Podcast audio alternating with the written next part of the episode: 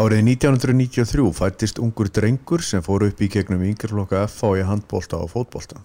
Strákur náttur svo sannarlega eftir að láta taka til sín í báðum greinum. Hann var valinn besti leikmaður sjálfmótsins í Vestmannum, hann var valinn besti leikmaður SA mótsins á Akureyri og hann var Íslandsmyndstar í öðrum 3., 4. og 5. blokki í fótbólta.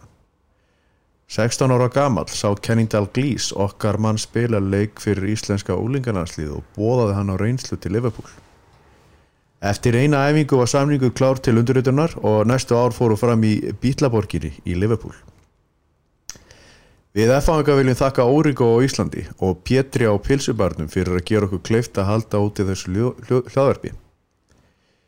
Til mín er komin á pilsubarinn Kristján Gauti Emilsson og næsta klukkutíman eða svo munum við fara yfir áhugaverðið sögu Kristjáns Gauta. Kæru vinnir, komið ykkur vel fyrir og njótið vel.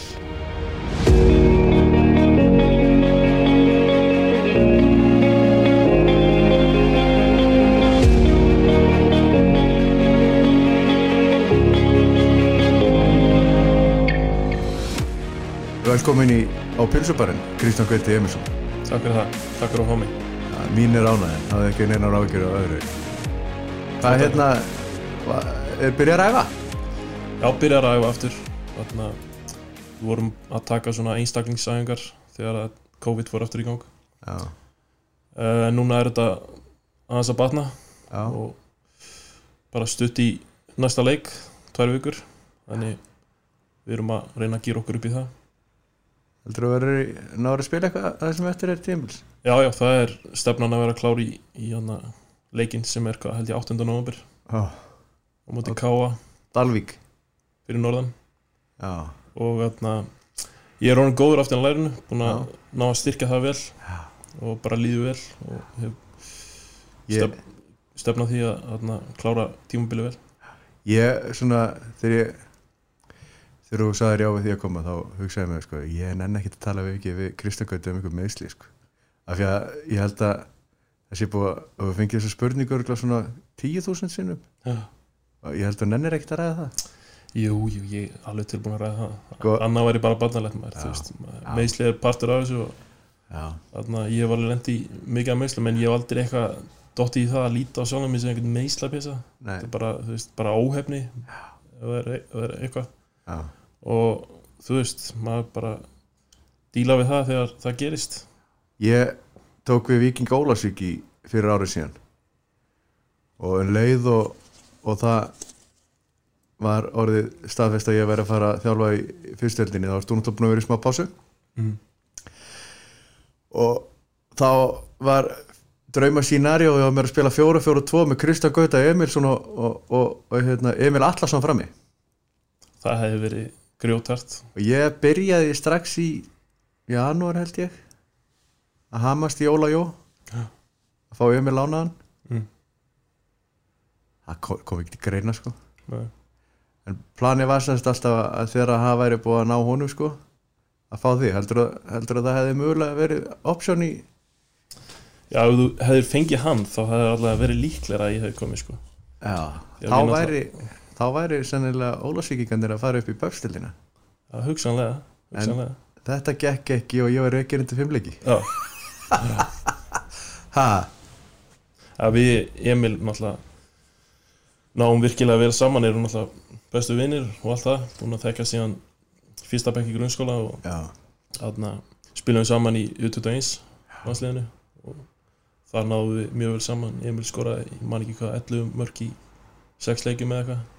undakefni EM. eitthvað og ég spilaði í tíunni fyrir aftan hann og hann var frammeiri Já. það, það er bara blandað sem klikkar ekki sko. Það kemur kannski bara ekkert maður setna að við, hérna, setjum þetta, þennan duett upp á Já, topp. það, Bara- ég held að ég og Emil eigum eftir að spila einhvern tíma saman aftur í framtíðin Og hann er bara í FH, Já, ha, eða landslíðinu.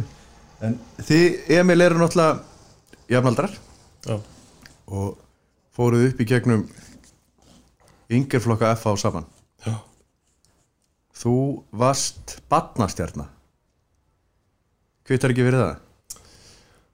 um, Batnastjarna Já, Þú varst Jú, sko varst alveg besti leikmaður í sjálfmótinu varst alveg besti leikmaður á hérna, N1-mótinu, S-mótinu S-mótinu fyrir geðu Það er ekki, verður Íslandsmeistar í 15 flokki, 4 flokki, 3 flokki og öðrum flokki er ekki Jú, ég, ég náði öðrum flokkinum aðna, þegar ég kom heim frá Englandi Já, spilaði held ég síðustu fjóra leikina já, þeir eru Íslandsmeistarar og ég fekk að vera partur af því þannig ég náði öllum yngri flokkunum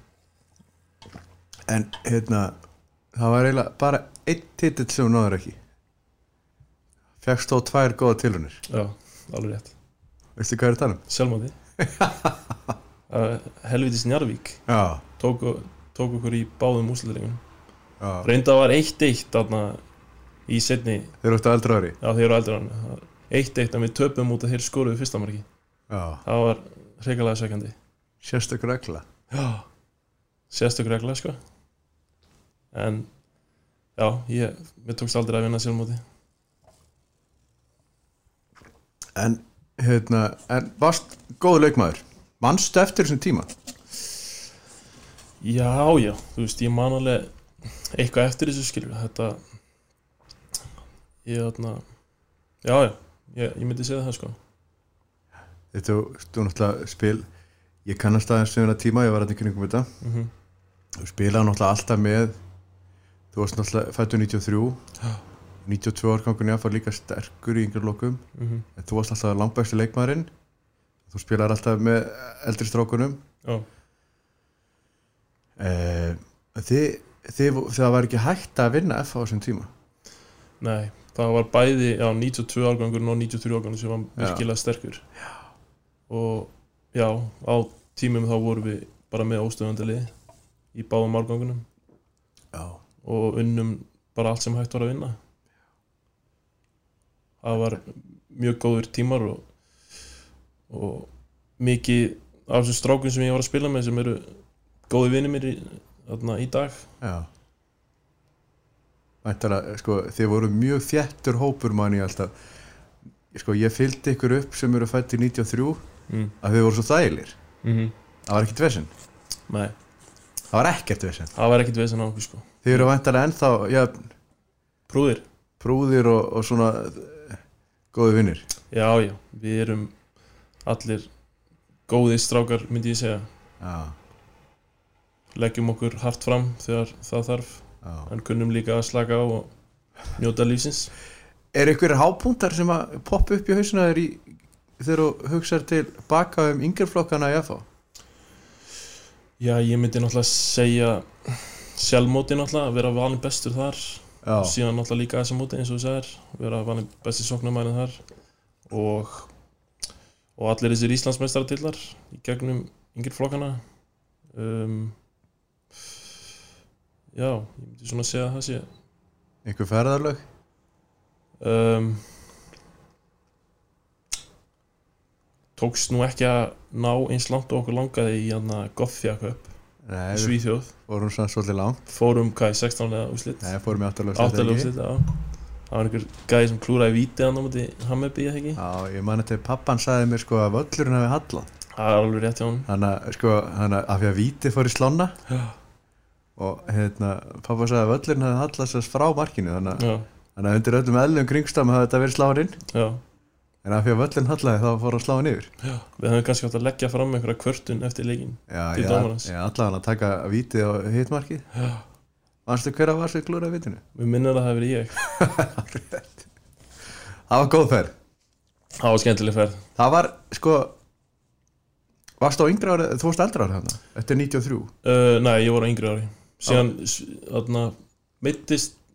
held ég Vigni Daniel Já, þarna í 92 og ég spilaði með þeim þarna manni hvort það var 16 eða 8 leða úslit Mm, já, ég skilji og já, við duttum líka út úr þeim leik minni mig Já En þú, svona Þú átt góða minningar úr, úr yngurflokkurum í FH og, hérna, Sigursæll ungu maður Já, þetta gekk einhvern veginn alltaf mjög vel hjá okkur í yngri flokkunum bæði 93 og 94 Við vorum með bara virkilega sterkan hóp og sterka leikmenn vorum hefnir með það að gera og náttúrulega frábæra þjálfara Hverju var það lögði? Skulum við taka mig út um myndinni Já, þetta orrið Þórðar Já, Ásker uh, Ingvar Jónsson alltaf já, um, Krismundur, já, mann heitir Benedikt já, Ben Átna og Átni Frinn alltaf já, já, og ma- mér langar ekki að gleyma hann einu sko Laugi Laugin alltaf, já Þannig að það er bara þú veist, frábæri þjálfarar og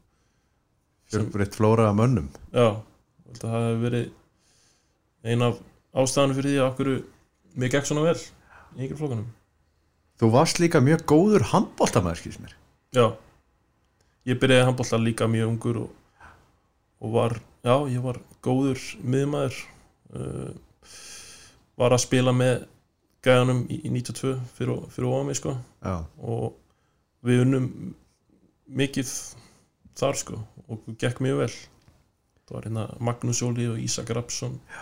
varum við þá sitt hverju megin við mig já, sko. já, Ísak Rapp í hérna vinstaskittinu og Magnús Óla í herriskittinni já, já. það var- þetta var svakarallið sko mikli karakterar þannig var líka mjög sigursæll í handbóltanum Já. og já, og mjög góður var valin í hérna yngri landsliðin þar já, en hérna Adni, Adni Guðjóns hérna, vantilega verið að þjálfa þarna getur það verið, uh, já, Adni Stefán hann, já, já, Hann- Átni Stefán, jú hann, hann sendi mér skilabóð þegar ég þegar hann frétti að vera að koma og sagði að það hefði verið betri handbóltamæður heldur en fótbóltamæður já ég eh, ef að þurfa að ræða það eitthvað Ég, það er náttúrulega bara hans hans áleit sko, ég veit það ekki ég jú, jú, ég var fýtt í handbólta sko en ég myndi halda að ég hef- hef verið aðeins betri í fótbolta já ég líka þú veit hérna. það var kannski leið einhver leið hjá hann til að reyna að lokka mig aftur yfir í handbólta sko Já, er það einhver dyr sem getur opnað það? um, nei, ég held ekki, Getur kannski spilað fyrir lukkuna í bestafalli já, mögulega, mögulega. hérna e, en þú veist, af hverju valdur fótbolta fram með handbolta? Æ, ég bara, ég leit á mig á sjálfum mig meira sem fótboltamann fyrir en handboltamann sko, Já. ég byrjaði fyrr í fótboltanum Já. og hafði einhvern veginn meiri ástríðu fyrir fótbolta Já, og fótboltin er náttúrulega stærri íþrótt já það er rétt í bara, þú veist, heiminum núna er ég ekkert að sita nýtt út á handboltan, það er bara Nei, nei, Fact þannig. og já, mér fannst það að vera svolítið það var ekki erfið ákvörðun að velja á milli sko. Nei, en, en handbolti er ég, þú veist, frábær íþrótt ég elska að horfa á handbolta og mér finnst það ekki ekki, Lassi já, bara, F.A. Haukar og þú veist, þetta er bara stórkvöldlega sport sko já, já Ég sko, verður nú að tala svolítið um sjálf mig mm Ég þjálfaði þig náttúrulega í Ég kom að því, kom að þjálfun hjá þér í fimmtaflokki, fjórðaflokki og, og svona óbeint í þriðaflokki já, Þú spilar aldrei frammi þegar ég var að þjálfaði Þú varst á miðinni já, ég var aðalega sko á miðunni í yngri flokkunum Já. sem sagt ekki, ekki framlíkjandi miðum, maður heldur bara á miðunni Það bara, er raun og veru bara 6 að 8 Já, það var þú veist, þegar, í sjömannaboltanum sko. Já, en síðan þegar við fórum í fjóraflokk og vorum að byrja að spila á stónavöll þá fór ég, ferði ég með aðeins framar já og var meira í tíunni Ég man nefnilega, ég held ég hafa átt sams, samtalið ekkert um við pappa þinn um að þú gætir að glóriði helviti góður hafsend Já, ég veit nú ekki með það sko Það ég, segir, segir kannski hversu ungur og óreindur og vitlaust þjálfari ég var hérna, fyrir 15 ári síðan já, já, ég held að ég sé með meira svona sóknar eðli í mér sko frekar en hitt Já, já, og, en mér fannst alltaf gaman að spila á miðinni í þarna sjömannaboltanum þú veist að þá er maður miklu meira í boltanum einhvern veginn og meira í öllu aksjóninni já, og ég einhvern veginn gaf því aldrei sens í allum mannabólta að vera bara á miðjunni nei það hefði kannski verið þarna áhugavert að prófa það en mér er svo gaman að sækja búa til eitthvað í sókninni og skora þannig, en Þú ert sko ennþá ungur þannig að koma tímar koma ráð já, það gæti komið einhvern mann ég meina þið Emil kannski endi bara sem hafsendar já það, það, það verið svakalett hafsendapar sóknardjárt hafsendapar Já, já Hvað hérna, ég, eins- en að samanskapi ég veit ekki sko hvort þú hefur maður er oft hugsað svona eftir á hversu mikið muniði og hversu mi- mikið svona skinjuði hluti þú varst þannig, þú veist, þú varst alltaf góður og alltaf með góður leikmenn í kringu því en þegar það kom að því að spila stóru leikina þá varstu Eh, bestur uh, og það er svona það, maður þurfti ekki að hafa neina ráðgjur því það voru aðri strákar sem að maður þurfti að klappa á öxlina og peppa þá fyrir leiki Mm. e, þú veist, manstu eitthvað eftir því þegar þú varst að spila úslita leiki bara þú, e, til að útskýra þetta kannski betur þú, veist, þú skorar í báðum leikjunum í vestmanniðum þegar þú varst í sjötaflaki, mm Mhm. af því að þú spilaði varst í aðliði tvö ár já, Uh, þú skoraðir í úslitaðleikjum í 15 flokki, 14 flokki og þú dróst hérna, þriðaflóslið áfram í, með að skora tvö mörg úslitaðleik í borganessi sætla menninga tindastól manstu, þú veist, manstu eftir því manstu eftir því þegar þú varst að fara að spila stóra leikina gæslappa sem krakki, já, já, ég man mjög vel eftir því sko. ekkert stress Sko ég held að leikillina því okkur ég var svona vel gýraður í þá leiki er náttúrulega bara út af pappa mínu sko Já. Þannig að þú veist, við bara á leiðinni á leikin Já. þegar ég var í bílnum með honum þá var hann að fara yfir allt já, milli heimins og jarðar hann var að greina hitlið, hann var að greina hvernig ég ætti að spila hvernig ég ætti að bera minn á vellinum bara hvað sem, að, hvað sem er og það, þú veist, ég tók þessu öllu og, og fylgdi þessu ráðum og það skilaði sér sannlega ég, hérna það, ma- maður tók alveg eftir því bæði með þig sérstaklega eh, persónlega og svo bara svona þennan hóp, bæði 92 og 93 á rosa þjætt og gott aðhald á góðan máta frá fóreldurum, þú veist, mamma þín og pappi voru alltaf þarna, bróðin mætti á leikina ég man eftir að sé sýstina líka á leikjum þannig að þið, þú veist, það var og, og það er sagt að það sé líkill að að flestir einstaklingar sem ná langt í íþróttum þeir eru síðan með gott bakland mm, algjörlega og pappin var náttúrulega alltaf þetta rólur, Mhm. góð ráð Ma, ég, man, ég veit ekki hvort þú manst líka eftir því bara, þú veist, þegar við vorum að æfa á vetuna á gerfugrasinu já, já, í mínus tíu gráðum og rigning og snjóri eða hvað sem það var og hann var alltaf mættur að horfa og þú veist, sama hvernig veðri var eða hvað það var og gaf, var að gefa mér ráð eftir æfingar já, já. hvað ég gerði vel, hvað ég gerði illa og það náttúrulega bara gerði mig að betri leikmanni já. varst alltaf bara með já, gott aðhald og, og gott að pappi hefði áhuga og, Já, þeir voru, ég, sko, ég man eftir tveimur leikmönum, sko, sérstaklega og og ef ég er að gleyma einhvern þá byggðist ég bara afsökunum í þetta, maður vissi sko að það var aldrei neitt vesen á Kristjáni þreymur það það var aldrei neitt vesen á Einar Kalli Ingvarsinni Mm. hann deliveraði alltaf sko, var kannski svolítið spenntur stundum svo Orri Ómason hann var líka frábær leikmaður þegar þegar þegar reið þegar, þegar koma að stóruleikunum sko Mhm. hann deliveraði já, Ah, ég, ég man eftir þarna leiknum á móti það var undanúslita leikur á sjálfmótinu á móti hérna, var það fram nei, var það þróttur, ég man það ekki annarkvæmt fram eða þróttur Já. já, ég held að það hefur fram, þeir voru 1-0 yfir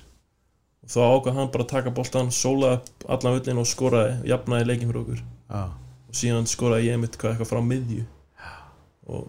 og, kom, við, og við fórum í úslita leikin ég man eftir því að það var, hann var með mér í handbólta líka svo hann voru ámas já. það er alveg stórkostlegt að vera með svona mann í liðinu með, með sér sko Ég- frábæðleg maður Ég er nokkuð vissum að það að hann hefði átt mikinn mögulega að ná mjög langt annarkort í handbólta eða fótbolta bara í hverju sem hann tók sér fyrir hendur sko hann var líka flug á þær Já, já, hann tók sæði MR og bara frábær, frábær strákur Það var skemmtilegur sko Það var nú kannski, ég held að að það sé ekkert hérna launingamála, það sé nú kannski svona mesta áfalli sem að maður hefur lent í e, íþróttir og- en þetta er nú kannski frekar persónulegt þegar þegar hann fellur frá já,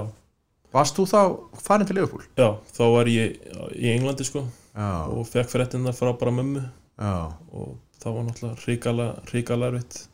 hann náttúrulega spilaði með honum í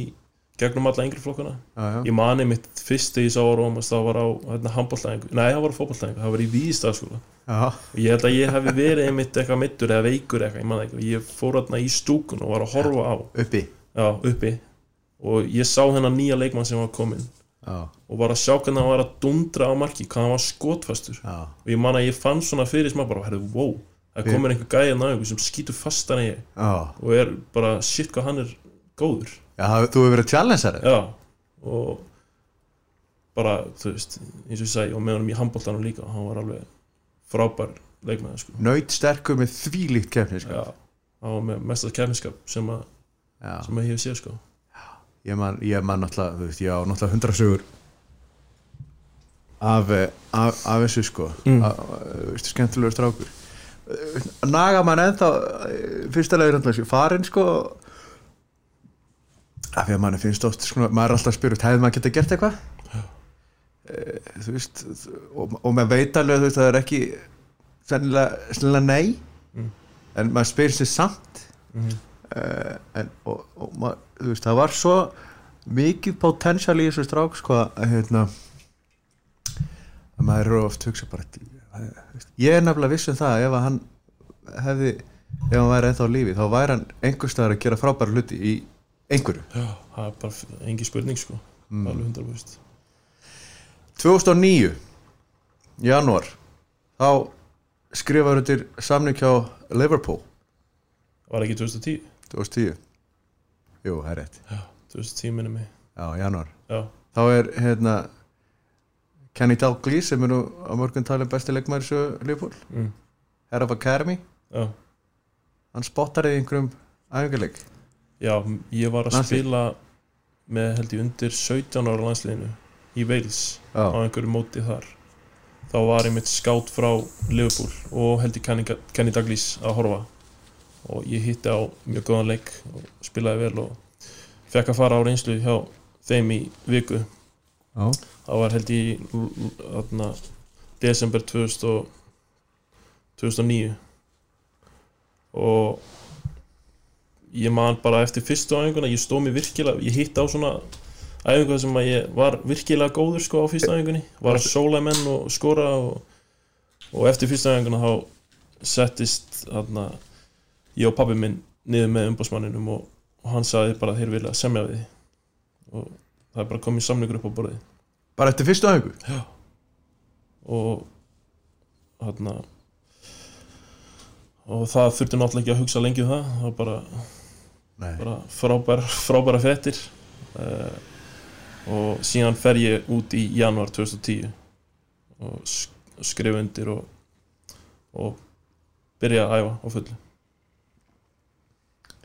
já, og Leopold, þú ferð í 18 ára liðið það já, undir 18 ára lið já og þú ert í þrjú ár já, 2,5 ár minnum við já þú, sko er það rétt að fyrsti leikurinn með Leopold hafi verið á móti Master United Já, fyrsti leikur á móti Manchester United og ég kem inn á í þeim leik og skora já, það var 0-0 við unnum leikin 1-0 það var einmitt annað Connor Cody fyrirli sem er einna Já. fyrirli Wolves í dag hann var virkilega ánægð með mig hann hefur,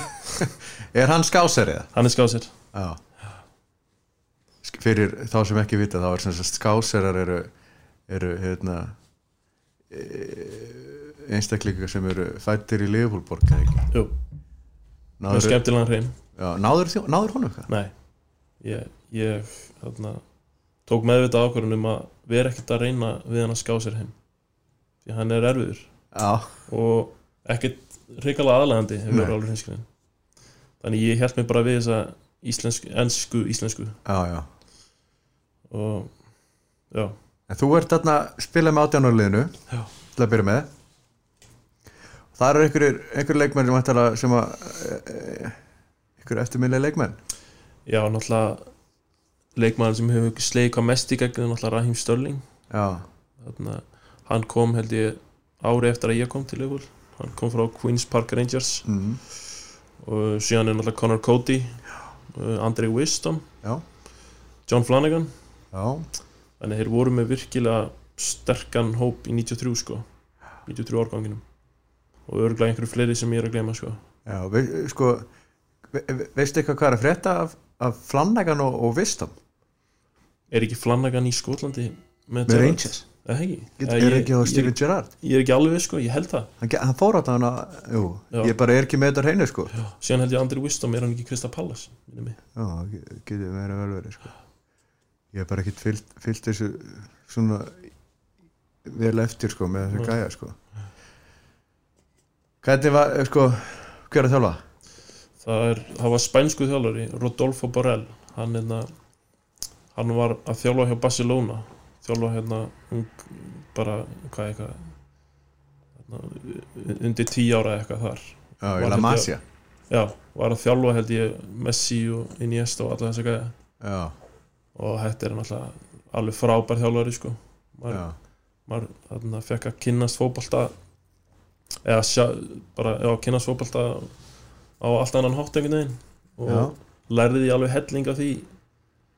hvernig maður á að spila fótbalta og hvernig maður á að sinna varnavinninu og hvernig maður á að pressa og hvernig maður á að gera hitt og þetta og, og þetta kom manni bara á allt, allt annað level sko Þessi maður er núna aðstofþjálfur Guardiola er ekki Jú, mann sitt í Já Það landur í mikrofónu Já, Það já, er alltaf lagi Hvað hérna eh, þess, Þessi eh, Mér finnst þetta áhæver sko Það fyrir náttúrulega er í þjálfun sjálfur Þú veist, Var, var þetta mjög mik, kannski er þetta heimskuleg spurning en það, þú veist, verður bara að hafa það Var þetta mjög mikil breyting fara á því að fara úr kaflakaríka? uh, já náttúrulega álæði er allt öðruvísi Já, við erum að æfa eins og atvinnum sko, Já. og æfum æfum hérna tvísar á dag oftast, oftast var það bara fótballtæðing hérna, eftir morgumat og síðan síðan hérna, liftingaræðing eftir hátæðismat já, og það var alvöru keisla ég held að þú veist ég er nokkuð vissum að við höfum æft meira en aðaliði til dæmis já varaliði, Þú veist, það er ekki gefið eftir hérna, í undir átjánaraliðinu Nei, uh, og já, það er náttúrulega bara aðalega, aðalega álæð æfinga álæð og, og magnið og og uh, bara þú veist tilgangurinn í öllum æfingunum þú veist, það var það var tilgangur á bakvið allt saman sem við vorum að gera og, og maður sá bara bætingarnar ekki bara hjá sjálfum sér, heldur bara hjá liðinu og, og öllum leikmennunum bara með því að æfa svona vel og, og, og hvað þjálfanum var bara vel skipalaður og, og þú veist, það voru þrýr sjúkarhárar með undir átjánalið, það var fitness þjálfari, það var tveir markmannstjálfari, þú veist, þetta var það var allt til aðstanda og maður læriði heilan helling sko Gætur þú hugsaðir á setni stífum að fara í þjálfun? Nei, ég reikna ekki með því Nei, ég einhvern veginn það ég hef aldrei fundið einhverja löngu til að fara í þjálfum sko við sjáum til hvort ég ná að breyta því já, eftir 10 ár, já. 15 ár maður veit aldrei hvað framtíðin er í Fyrir. skauti sér en, en ég reikna ekki með því sko. Nei. Hvað hérna þú nefnir Ræm Störling ég held að sé nú á engan halla þegar sagt að hann hafi kannski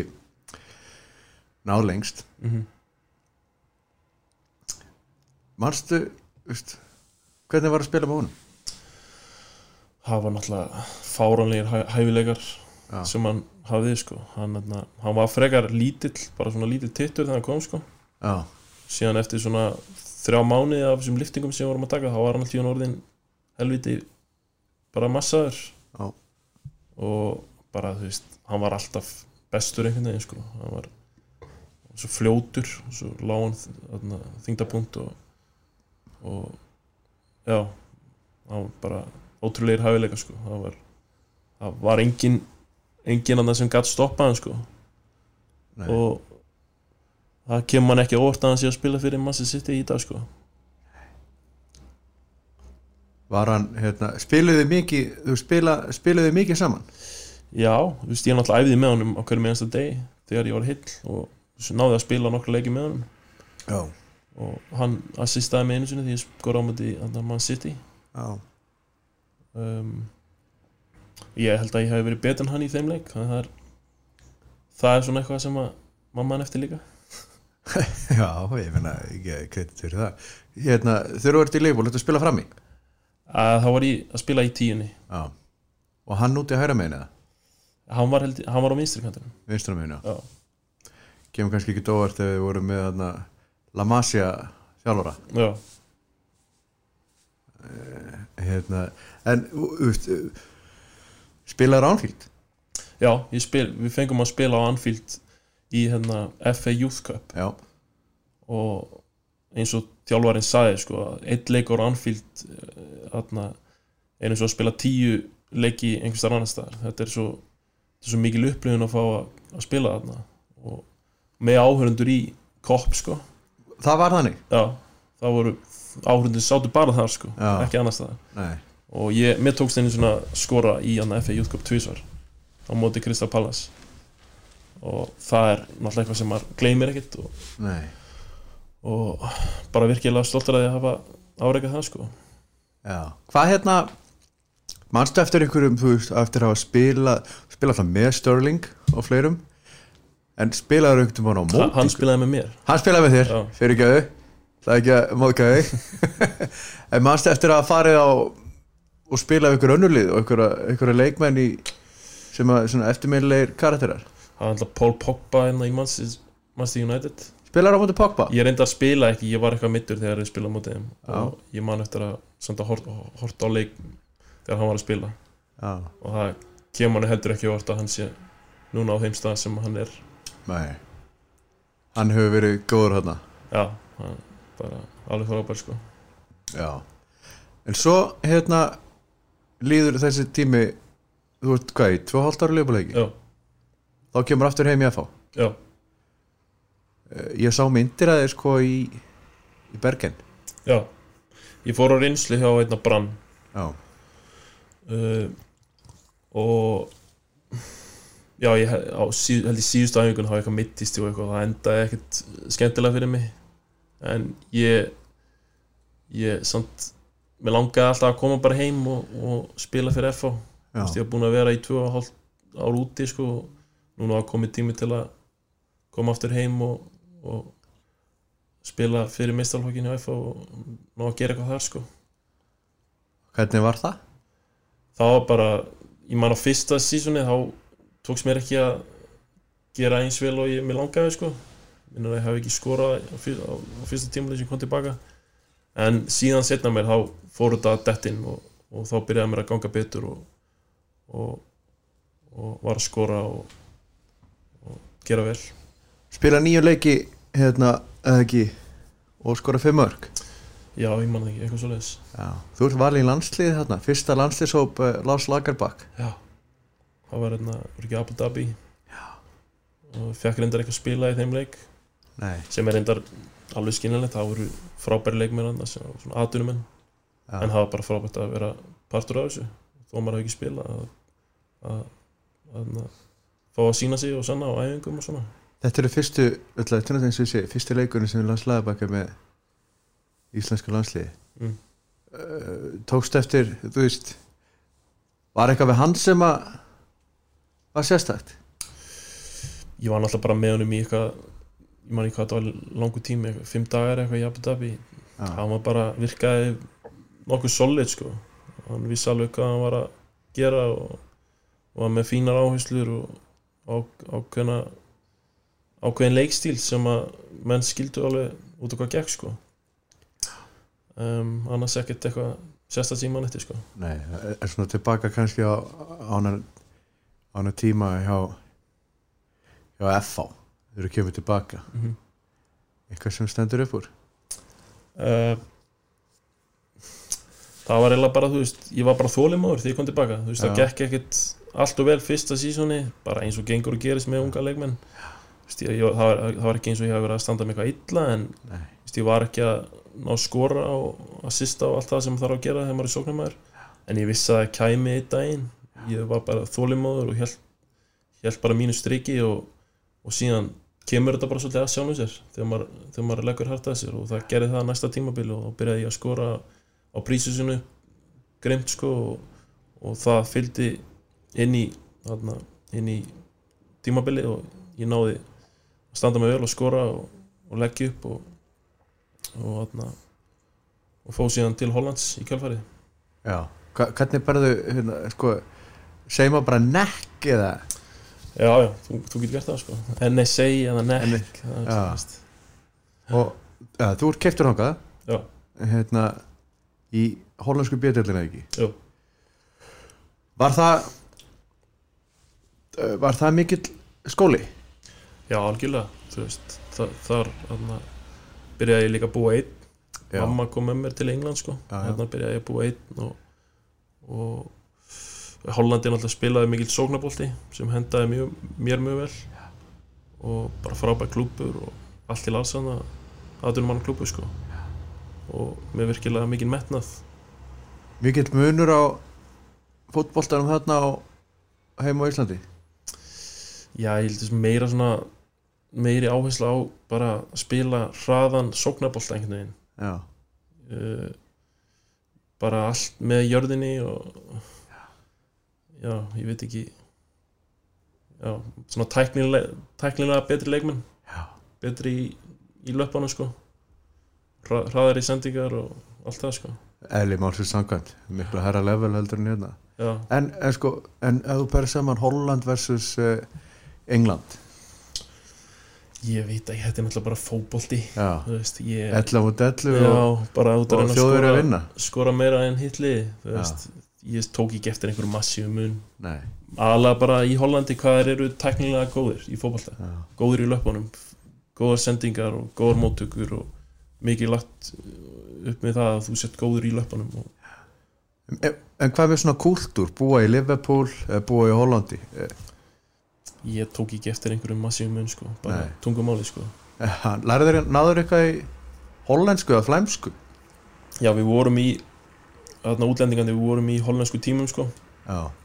gerum það einu svona viku en við vorum ekkert mikið að læra hollensku þannig sé það var kennarinn okkar var að- svo forvitin um hvernig þetta var bara að vera í aðliðinu og, og hvernig hvernig við vorum að standa okkur og hvernig meislin voru og hvernig markið sem skoraður í síðustöku var og það var allt bara á ennsku sko já, en, og síðan síðustu tímiðunar þá fórum við að læra smá hollensku en, já en ég er svo lítill tungumála gæi að ég, þú veist ég skil hollensku já, ég, en ég er talan ekki, ekki mjög vel sko nei, nei en sko, hvað ertu lengi í Hollandi? ég er í hvað held, eitt og hálft ár já, eitt og hálft ár og, og, og meðsli setja svolítið strikki í þetta já, já, það voru mikil meisli í Hollandi sko og svona meisli sem það, það sem ég var að hitta bara svona sérfræðinga hér og þar og það vissi engin nákvæmlega hvað var í gangi sko já, og það kom tímabil það sem að við settum bara allt á stoppa sem ég bara var ekki að gera neitt já, Þú veist, vanalega þegar maður er mittur þá getur maður gert eitthvað, þú veist, á hjólunni eða skíðavílinni eða, og, og ná svona að mótivera sér þannig koma Já. sér aftur í gang og halda sér í formi en ég, það kom tímabil svona þrý mánuð þar sem ég var bara ekki að gera neitt það, akkur var það til að reyna að ná utanum sér meðsli og til að sjá Já. hvort að það myndi Hjálp. bera einhvern árangur og ég er, þú veist, á endanum náði ég að losa mig við þessi meðsli já, en það bara tók sinn toll þetta var, það var virkilega erfitt sko. og líka þegar maður kemur tilbaka eftir svona, svona langa tíma þá er líka erfitt að koma sér aftur í gang þá er líka erfitt að maður fá einhver svona svona lítil heimsli annars staðar sko. já já, þú kemur svo heim Já. og sko breytir aðeins um hérna stefnu Já. og mér finnst það mjög spennandi sko mm -hmm. hérna ferði ferði ekki í kvikmyndaskólan Jú, fer í hérna kveikmyndaskóla Íslands hvernig dattir það í hug? Sko ég hef alltaf haft mikið áhuga á bara, ég held að sé bara svona sögum, ekkert endilega, þú veist, jú kvikmyndir al, alveg klálega sko og ég, ég veit það ekki sko, ég byrjaði bara að fá mikið áhuga á svona góðum kvikmyndum og okkur, okkur þær ná að hreyfa við manni og Já. hvað, hvað sé í gangi hann nákvæmlega og mér langaði svolítið að explora það meira og, og vissi alltaf að kvikmyndaskólanum sko, og hafði, og svona, hafði það bak við eyrað að kannski einn daginn myndi ég fara þangað gefið sér séns og, og var mikið að skrifa kvikmyndahandrit gerði það bara í frítíma mínum Pítu, þegar þú ert að Arlendis eða? Já, þegar ég er í Hollandi sko, þá byrjaði ég bara, bara reynda að byrjaði að gera það á Íslandi sko, áður en ég fór til Hollands að skrifa eitthvað, einhver kveikmyndahandrit, bara svona, bara hobby sko ok, og, og það einhvern veginn bara kom náttúrulega að mér sko og, og ég hafði virkilega gaman að því, mér fannst það mjög gefandi að vera eitthvað að skrifa, um, skrifa skálskap um karaktera í einhverjum aðstæðum er ég að fara að finna sjálf á mig einhvers staðar þarna einhvern tímann? Aldrei að vita Já. Aldrei að vita Þarna Og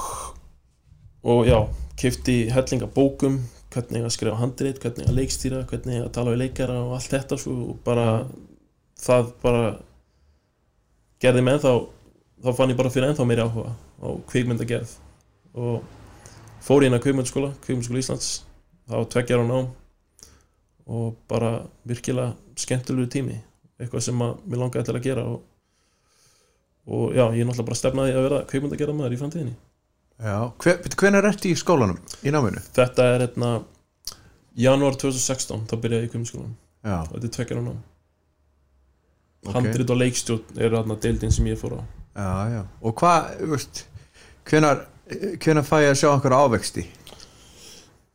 Fyrsta bíómyndi mín kemur eftir tvö ár, tvö til þrjú ár Já, hvað er ég hef nú ég hef nú heyrt að það sé eitthvað einhver hjól farin að af stað Já, ég er sem sagt núna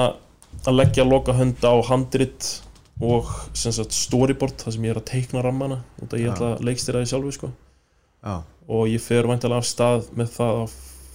að einhverja alvöru í lok þessa ás já, og það sem ég byrja að senda, senda handritið á framleiðendur hér og þar og Já. vonast bara eftir að fá jákvæði viðbröð og, og, og bara stefnaði að gera bíómynd sko. ertu með ertu, ertu, getur þú sagt eitthvað hva, hvað, er um, að- hvað er ég að fara að horfa á? Já, handritið besið satt nafni Hlaupari Hlaupari? og Ok. þetta fjallar um unga konu sem þráir að verða hlaupari í fremstu röð Já, og hvernig hún kemur með vonarnesta inn í líf feðga sem að fylgjast með móður og eiginkonu heia baróttu fyrir lífi sinu já þetta, þetta er eina sem hún færð þetta er eins og ég fæ Já, hérna, þú náttúrulega veist að því að hérna, að ég er alltaf til í einhvers konar auka hlutverk já þú hefur sagt það við með áður sko Já, já, við skulum nú ekki fara neitt ítalega út í þær umræður Nei, hér, nei, en ég myndi ekki taka mikinn ég myndi ekki taka að mér stórt hlutverk nei, af því að ég held bara ég beri kannski ekki andlit í að uh, vera uh, fronta bíómynd, mm. en ég er alltaf til að ég hjálpa sko. já, það er gott að vita Gæti kannski verið eitthvað frjálsjórt að þjálfari Já, það er kannski einhver pæling hérna sko Ertu, en ertu eitthvað farin að sjá fyrir þér úst, þetta er vendilega tekið upp á Íslandi ekki Já Ertu eitthvað farin að sjá fyrir þér leikara og Já, ég er með þarna, leikara í huga fyrir þessi hlutverk og svolítið svona skrifaði þessi hlutverk fyrir ákveðna leikara sko Ok, íslenska leikara þá? Já, íslenska leikara, þetta er bara íslenskt alveg í gegn sko Já, og þarna ég man að ég byrjaði svolítið að vinna í þessu handriti í Hollandi sko já, ég kláraði eitthvað svona krimma handriti eitthvað já, sem að ég var að vinna í og, og setti það til legar og síðan fann ég svona fyrir því að næsta handrið það verður eitthvað svona íþrótta tengt, já, einhver svona íþróttamaður eða kona, hvernig sem það er og ég, mér einhvern veginn tókst aldrei að skrifa eða vinna mig í gegnum handritið að alvöru og setti það á ís í einhver tíma og síðan byrjaði ég aftur á því og, og þetta er búið, bara búið að vera stanslus svona barátta hjá sjálfum mér við að skrifa þetta handrit já, en núna loksins er ég, er ég komið með það og, og hef fulla trú á því að þetta fari á kvítatjaldi já, ég er alveg handviss um það að, hérna, að það eftir að gera þetta vegna þess að sko vinir þínir ég þekki nú vel Mm. þeir segja að ef að Kristján Gauti tekur ákvörðun um að gera eitthvað og gera hana vel og það verða, það kemur eitthvað út úr því mm eins og til dæmis þegar þú vart valinn sko besti leikmaður sjálfmálsins hérna eh, í vestmannegjum sko, þá er tekið viðtal við Djafaf og þú segir ég ætla að spila fyrir Liverpool sagði ég það? já, Nú ok, já, hérna, heldur hérna með byggar með hérna, gamla góða glottið já.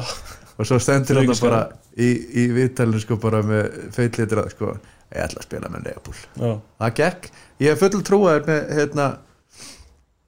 með bíómyndina Já. uh, og, og ég er alveg 100% viss um það og ég er eftir að eiga- eiga góðan feril í, í þessu eða hverju sem þú tökur þau fyrir hendur en ég sko, ég veit ekkert um bíómyndir Mm -hmm. fyrir þetta það mér smikkan að horfa á þær mhm. hvernig, þú veist hvernig, þú veist þú góðst þarna með þessa sögu hvernig er, hvernig skrifa maður handrita bíómynd? sko það er bara að byrja að skrifa basically Já. sko, það er ekkert eitthvað það er ekki einhver formúla á bakvið það sko, það er ákveðin svona það er gott að lesa þessar bækur og horfa á eins mikið að YouTube myndbundin og getur og, og afla þér upplýsingar um, þú veist, það er á, ákveðnar svona grundvallar eh, ákveðin grundvallar atriði sem þú þarft að hafa á Já. hreinu Já. svona aðalega með struktúrun að gera þú veist, því að það er virkilega, virkilega erfitt að skrifa lélegt handrit já, ok, Já, það, er- þú veist, það er málið að skrifa handrit í fullri lengd sem er lélitt, það er virkilega erfitt þannig að þú getur ímyndað þér að ná að skrifa gott handrit, hversu erfitt það er já, og það, það er basically bara að ná einhvern veginn að æla út úr sér fyrsta draftinu já og síðan ertu bara að endurskrifa, endurskrifa, endurskrifa, endurskrifa biljón sinnum og að, þannig hefur þetta verið hjá mér með þetta handrit og, og alltaf tekst mér að finna leiði til að gera það betra já, gera hvort, hvort sem það er oftast, oftast þegar maður er að bæta þá nær maður einhvern veginn að stytta það og einfalda það, en jafnfram nær maður að diffka söguna Já. og, og ferðalag karakterina þú veist, áttu þér eitthvað fyrirmyndir í þessum bransa um, ég er mjög hrifin af Mike Lee já, Mike Ú Mike Lee hann er hérna, breskur kvikmyndagerðamæður já, mjög gaman að mynda um hans uh, Clint Eastwood Alejandro Inarritu sem gerði hérna búin að gera frábæra myndir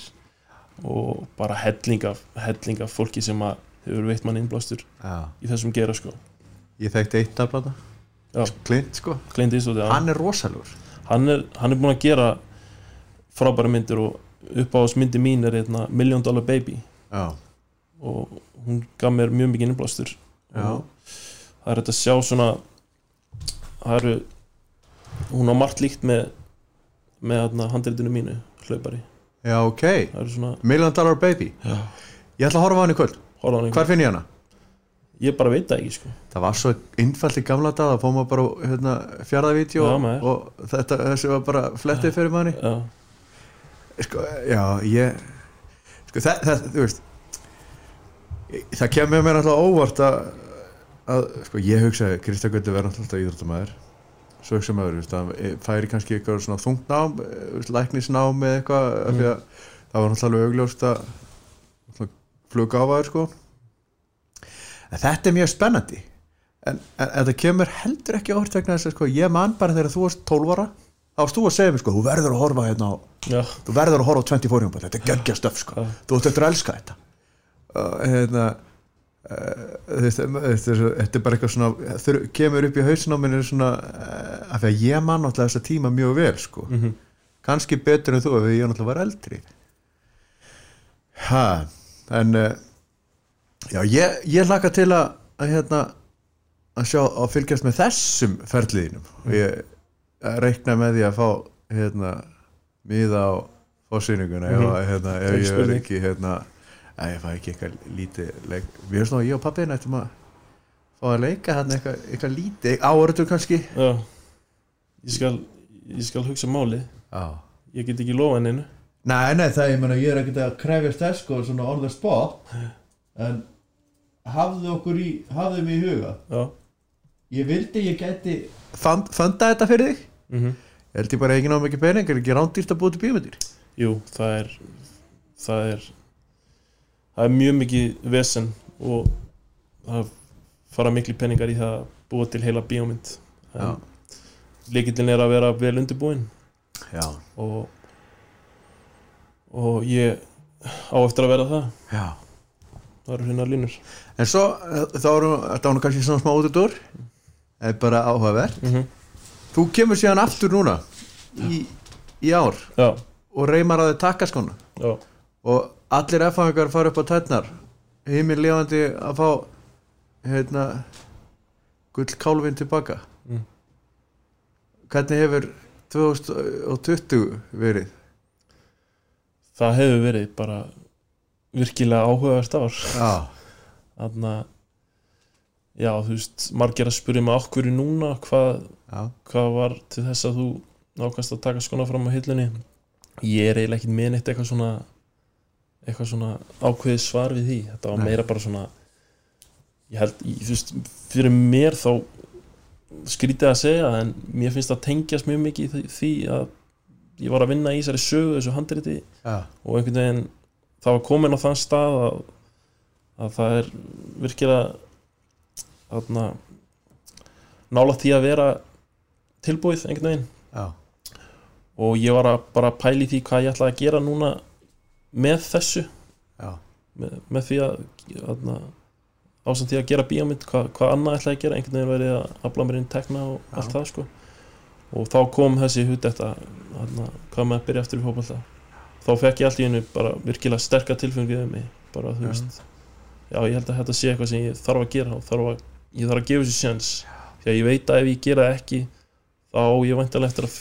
finna fyrir eftir sjó, því ég Já. er orðin x gamall Það er svolítið síðan að, að, að hérna, þú tókst góða pásu enga segja mér það að það hefði verið svolítið hringt í þig Já, sérstaklega svona til að byrja með þá var mikið hringt í mig sko og, og menn með þarna, misgóð góðar hugmyndir og tilbóð og, og allt það sko Já, Eh, en ég var bara svona búin að ákveða með ég, þú veist, ætlaði núna bara að einbetta mér að kveipinda náminu og ég var náttúrulega duglur að reyða mig og fór mikið út að hlaupa og Já. duglur í rektin og allt það sko Já. en, en ég bara fann mig ekki knúin til að byrja aftur nei, á þeim tíma en ég, s- ég saði við alla og saði líka við sjálfum mig þarna, þegar ég hætti þú veist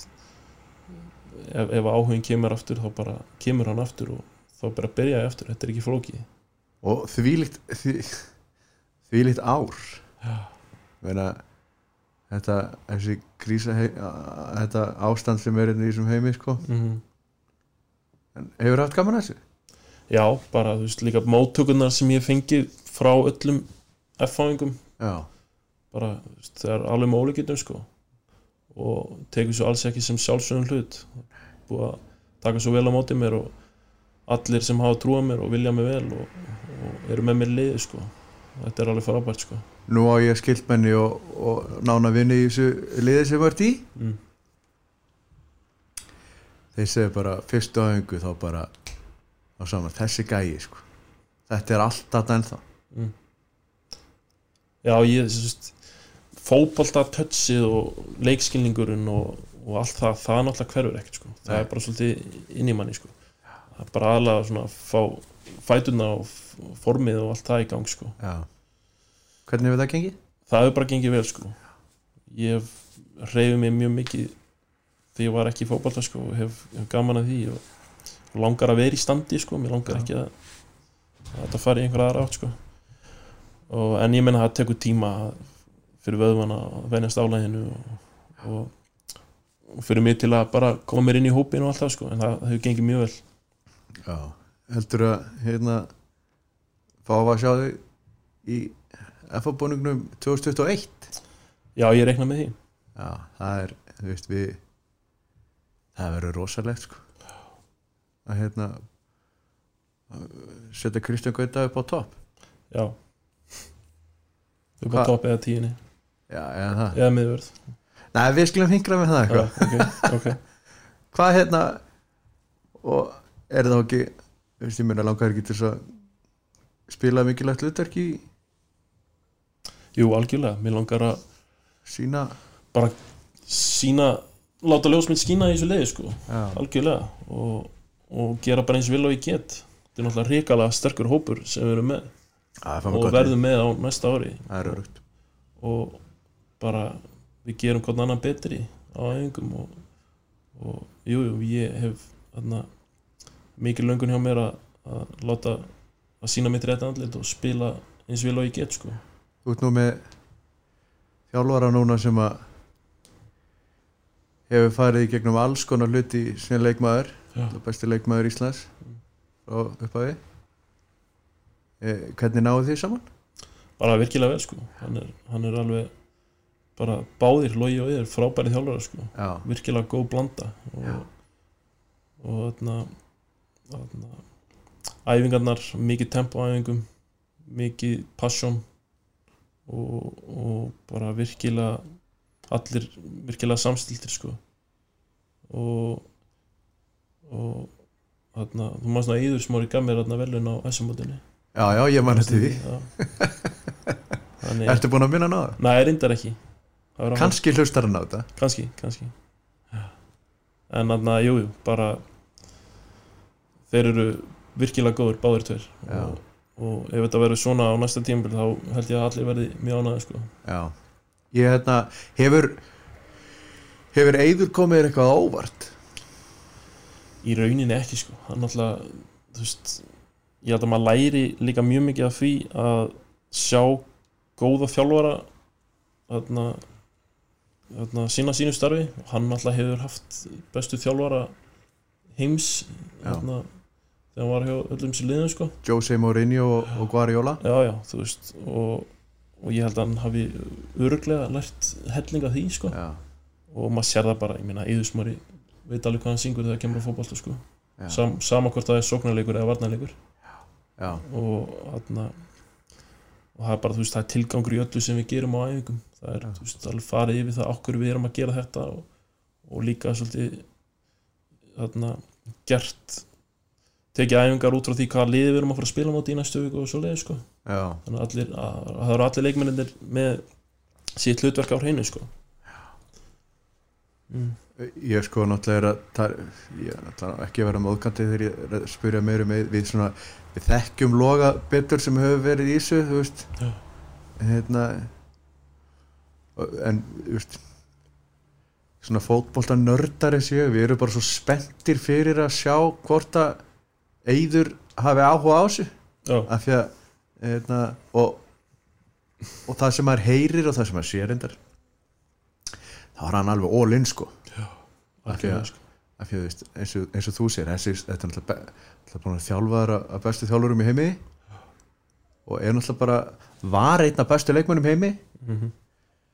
og, og þú veist og hefur frá svo, hann- hefur svo hann hann getur miðla svo miklu Já, bara til dæmis fyrir þig sem sender Já. eða tíja sem bara nákvæmlega staðan hans já,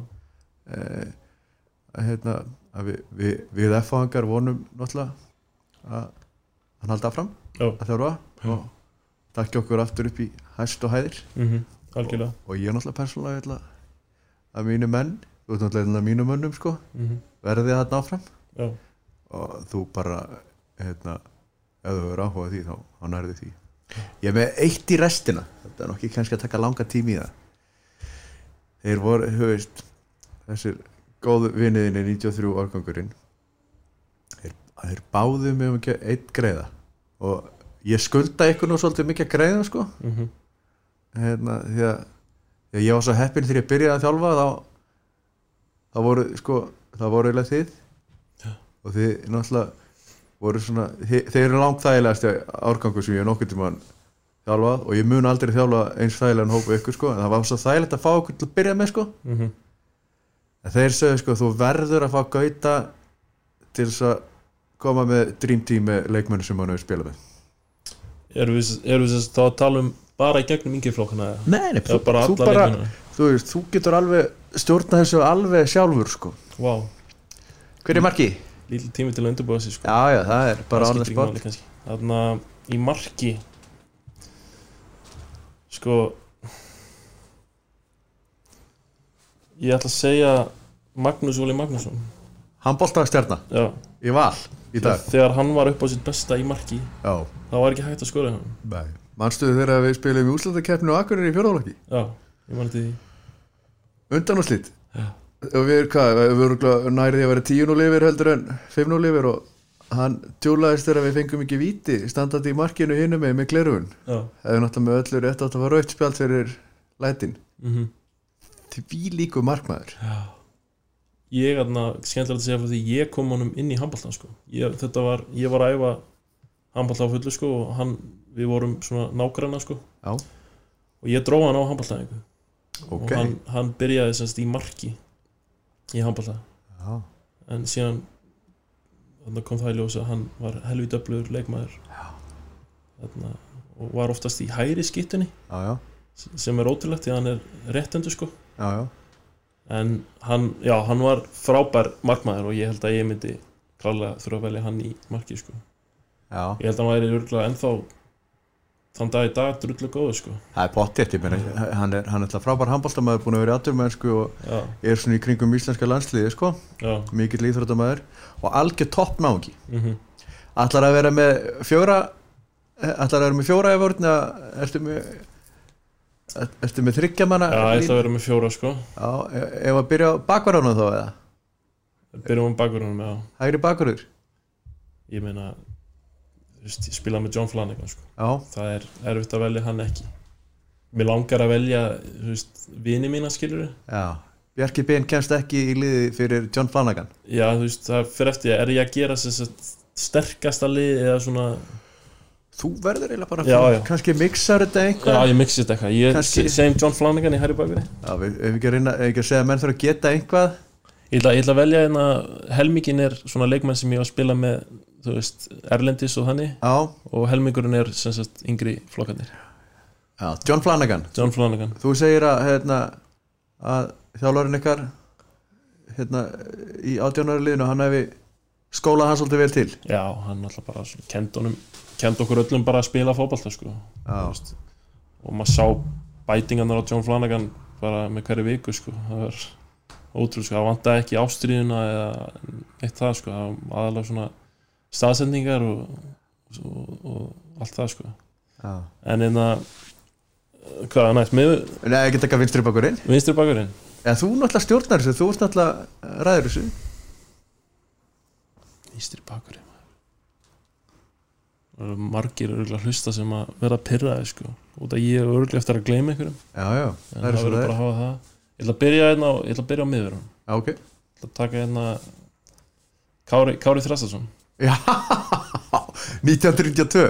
hann er í, þarna, ég man, að- sérstaklega í sko, sjömanaballanum Já. þá var hann fyrir aftan mig í vörninni já. Vi, eins og, all, eins og klettur sko. já. Við spilum bara með einn í vörn Já. Af því að hann var svo góð hann var svo góð, sko. hann bara sá um þetta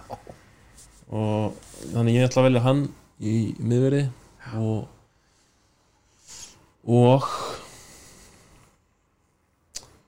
ég ætla að segja Bjarki Már Benediktsson Já verið hliðan á honum. hann var frábær hérna, Já. hann var frábær sko eftir að við komum í fjórðaflokk Já, hann var hann var svo solid sko já, hann var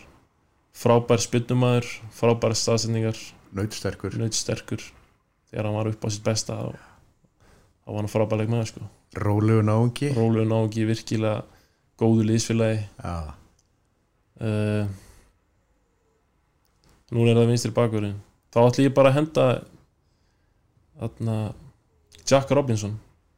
já, í Liverpool já, hann var einu sinni yngsti leikmæður til að spila fyrir Liverpool aðalið já. kom inn á móti mann minnum við Hull, Hull, Hull segja, Já. Hull City þegar Rafa Benítez var að tala já. hann var alveg stórkustur leikmar ég held að hann og Bjarki Már myndu ná vel saman hann ég held að Guðmundur Gaukur verði svolítið settur Já, með ég- þetta val ég, ég heyri núna í Guðmundi Gauki í hausnum að mér Já. vera tuða, já, töða sko en hann ringdis í mig sko í morgun og bara þú verður að verður að koma að því að þegar ég setti sjönda markið hérna í kepla í, hérna, í þriðaflokki, það gleymi seint sko hvað var það? það var frábært mark var það eina markið sem hann skoraði á einu? ég þór ekki að fara með það sko ég held að hann verið svo pyrraður ef ég en næst eru það já, eru það miðmenn um, og ég ætla að setja á miðjuna sem kaftin Connor Cody Já. það er frábæleikmaður Connor Cody það geti alveg verið eitthvað svona nafn í bíómynd já, Cody, svona hetjulegt nafn sko. já, hann, hérna, hann er reyndar að spila er hann ekki í miðverði hjá, já hjá Wolves Já. en hann var, hann var alltaf miðjumæður hjá okkur sko, Já, og var bara frábæð leitói um, annað miðjumæður hliðin á honum ég ætla að undirbúta aðeins betur sko já. Ég maður sjá Byrjum bara, ég, ég ætla að vera í tíunni Þú ætlar að taka tíuna? Ég ætla að vera í tíunni og, og það kemur ekki ávart að ég ætla að hafa Emil Allarsson Númer fram í með níu. mér Já. Ég ætla að sitja Ég ætla að sitja Emil Pálsson á miðina Já. Við Þá erum við hliðina- komin með þrjá á miðuna. Við hliðin á hérna Conor Cody Já. Og á vinstri kanti ætla ég að sitja Einar Karl Ingarsson Já. Því að það er virkilega þægilegt þarna, fyrir mig og Emil Atlason að vera með eitthvað sem er jafn góður að sparki bolta á hann Já, hann er náttúrulega því líkan vinstrifót hann er með, hann er með ótrúlega vinstri fót og svo er alveg örugt að hann er að fara að hlaupa allan daginn já, fyrir já, ykkur já, já, þú veist hann var alveg, hann er alveg frábær leikmaður sko og já, ég man ekki hversu mörg skallamörg ég skoraði eftir hospinu frá honum já. í yngjumflokkanum þannig hann er á vinstri kanti þurfum að fá hann aftur í FH já, algjörlega sko þessi samlingslösi, ég veist sko. uh, og hægri kantur, er það ekki eina sem er eftir Jó, herði, það er Störling ekkert að eh, vá, ég er búin að glemja banka í Já, við erum búin að gleyma honum Jú, allir ég er ekki að sýta Raheem Stölling þó að hann hafi ofta spilað spilað á vinstri kantinn þá held ég að geti, hann geti alveg leist hægri kantinn líka sko Já, já, Einar getur líka bara að fara inn og kötta já. með sinni vinstrifót sko. já, þannig ég held að einakall sé meira í því að fá boltan og dundrónum fyrir sko Já, Raheim Stölling sé meira að taka með hann á og, kannski setja hann í 45 gráðarnar þú kemur í setni bylgi já, eitthvað svo leis en ég held að þetta lið það væri áhugavert við ná, næðum að smala þessu liði saman einhvern tímann og, og testa þetta Já Eitt í blárestina Já. Rafa Benítez er að þjálfa liðbúlið þegar þú ert þarna Mhm. Er hann að þjálfa það allan tíman eða? Nei, síðan kemur held ég Rói Hodgsonin Já, Kenny Douglas á eftir honum eða ekki já uh, en jú, Rafa Benítez var Svo meginpartin Já. Þetta eru að tala með leikmenn hjá liðbúlið svo náttúrulega Steven Gerrard Já. Fernando Torres Torres. Jamie Carragher, Glenn Johnson Glenn Johnson og fleiri vantilega mm. uh, Æfðu þið á Melvum? Nei, við æfðum á öðrum stað Ok, Kirby, Kirby það er einna þar var akademían sko Já. það er, ég veit ekki, það er 20 mínúna kessla frá Melwood Já. En na, hi- hittur einhvern sem hann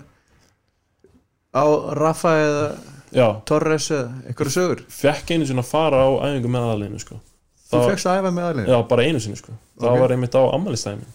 Já. það, það var ekkert út af því ég átti ammæli Það bara hitti þannig að sko Og þarna, Spurður að því? nei, reyndar ekki Þetta var eitthvað að van- að vanta einhverja leikmenn Það voru margir Já. mittir og einhver í landsinsverkum með eitthvað Já, Það vantaði svona leikmenn til að fylla inn í Til að geta tekið possession og eitthvað svona já, Og það var Þá fekk maður að æfa þar sko Ég man að ég var að spila á móti hann að Kirki Jakobs já Það var mjög gaman sko Gríska hafsendin Já Og þarna, ég held að ég hafi verið jafn hávik sem hann Já, það var út að ég held alltaf að þegar maður sér, sér hann í sjónvarpinu þá held ég alltaf að hann væri algjör risi sko. Já. síðan var hann bara jafn hávík sem ég já þú ert ég er þetta enda með risi þá. það- það- Já. en jú, ég fekk einu svona að æfa með þeim sko. Og voru þeir á æfingu? Torres og Gerrard? nei, þeir voru held ég í einhverju ég held að Torres hafi ekki verið þá sko. en að Luis Suárez manni eftir því að hann var í bara sér þarna, sér æfingu, hann var bara í einhverju finishing æfingu sko. Já. með bara þrjá þjálfar í kringu sig eitthvað sko. Já, já það hefur, hefur skilað sér Ég, hela, ég heyrði einhvern tímann að þú hafi verið í nutti og næsti maður í- á nuttbegnum hafi verið Torres eða þú hefur einhvern maður lappað Já, inn ég lappa inn í hann að nutt herbyggið hérna. Já. og það, það var einmitt það var a- annað sko, þá var ég held ég að glíma við einhver erfið meisli Já, og var að fara í var, fara, fara að hitta sjúkraþálara aðlýsins já, eða lækni, lækni aðlýsins og þá var einmitt Fernando Torres í nutti þar sko og hann hefur sem sagt fengið að hitta mig þá, já hann var það heppin já, Hann mann það sennilega hann hefur munið eftir því og eru örgulega að segja frá því í einhverju öðru podcasti á Spáni Já, já, einhvers þar í Madrid Já. En eh, eins og, sko, Dalglís er náttúrulega hérna yfirmaður Akademíunar mm Interaktaður eitthvað við hann? Já, ég hérna eins og ég sagði, þegar ég var að spila hérna í Wales með 17 ára sinni, þá hefur hann verið á þeim leik Já. og ég mani mig þegar ég kom til Liverpool að, og hann frétt af því að þeir hafðu sænað einhvern íslenskan hérna, leikmann þá byrjaði hann að tala um einhvern hávaksin ljósæðan sem að hún leist mjög vel á og þá var það þess að ég og þá, þá hann var mjög glæður að heyra það og síðan mann ég einu sinni eftir hérna, ég spilaði þarna, leik á móti Everton í undir 18 ára og átti frábæran leik og, og daginn eftir þann leik þá sem sagt gengur hann að mér og tekur svona í hendina á mér það var, það var virkilega gaman Gerður þér grein fyrir því á þessu tíma hvers konar legend var að já, tala við? já, já, já, Að Benni eru búin að segja frá því já, já, það var búið að það var búið að fara við það sko það Það fór, var- ekki, á- fór ekki á milli mála hversu mikil góðsögn hann var sko. Nei Það var gaman að tala við þig. já, takk fyrir að fá mig hérna, Því líkur heiður að, að fá því Ég- hérna, af því að Þú hefur ekkert mikið verið í Þú hefur ekkert verið að trana þér Þú hefur ekkert mikið verið í Svisljósinu nei, ég hef oft reynt, oftast reynt að forða mig frá því sko. Já, ég veit ekki okkur, bara þú veist, en gaman að koma hingað að spjalla við því já, það er gaman að heyra í því Já. Ég hérna, vona bara að þér gangi vel í bæði á vellinum og náttúrulega í öllu því sem þú takir verið hendur já, takk og fyrir þú veist alltaf að, hérna, að þú átt eh, mikinn aðdáðanda á brekkugutinni Já. eitt í restina hérna af því að náttúrulega eh, pulsubarinn er náttúrulega að sponsor okkur Mhm. og Origo mm og, og hérna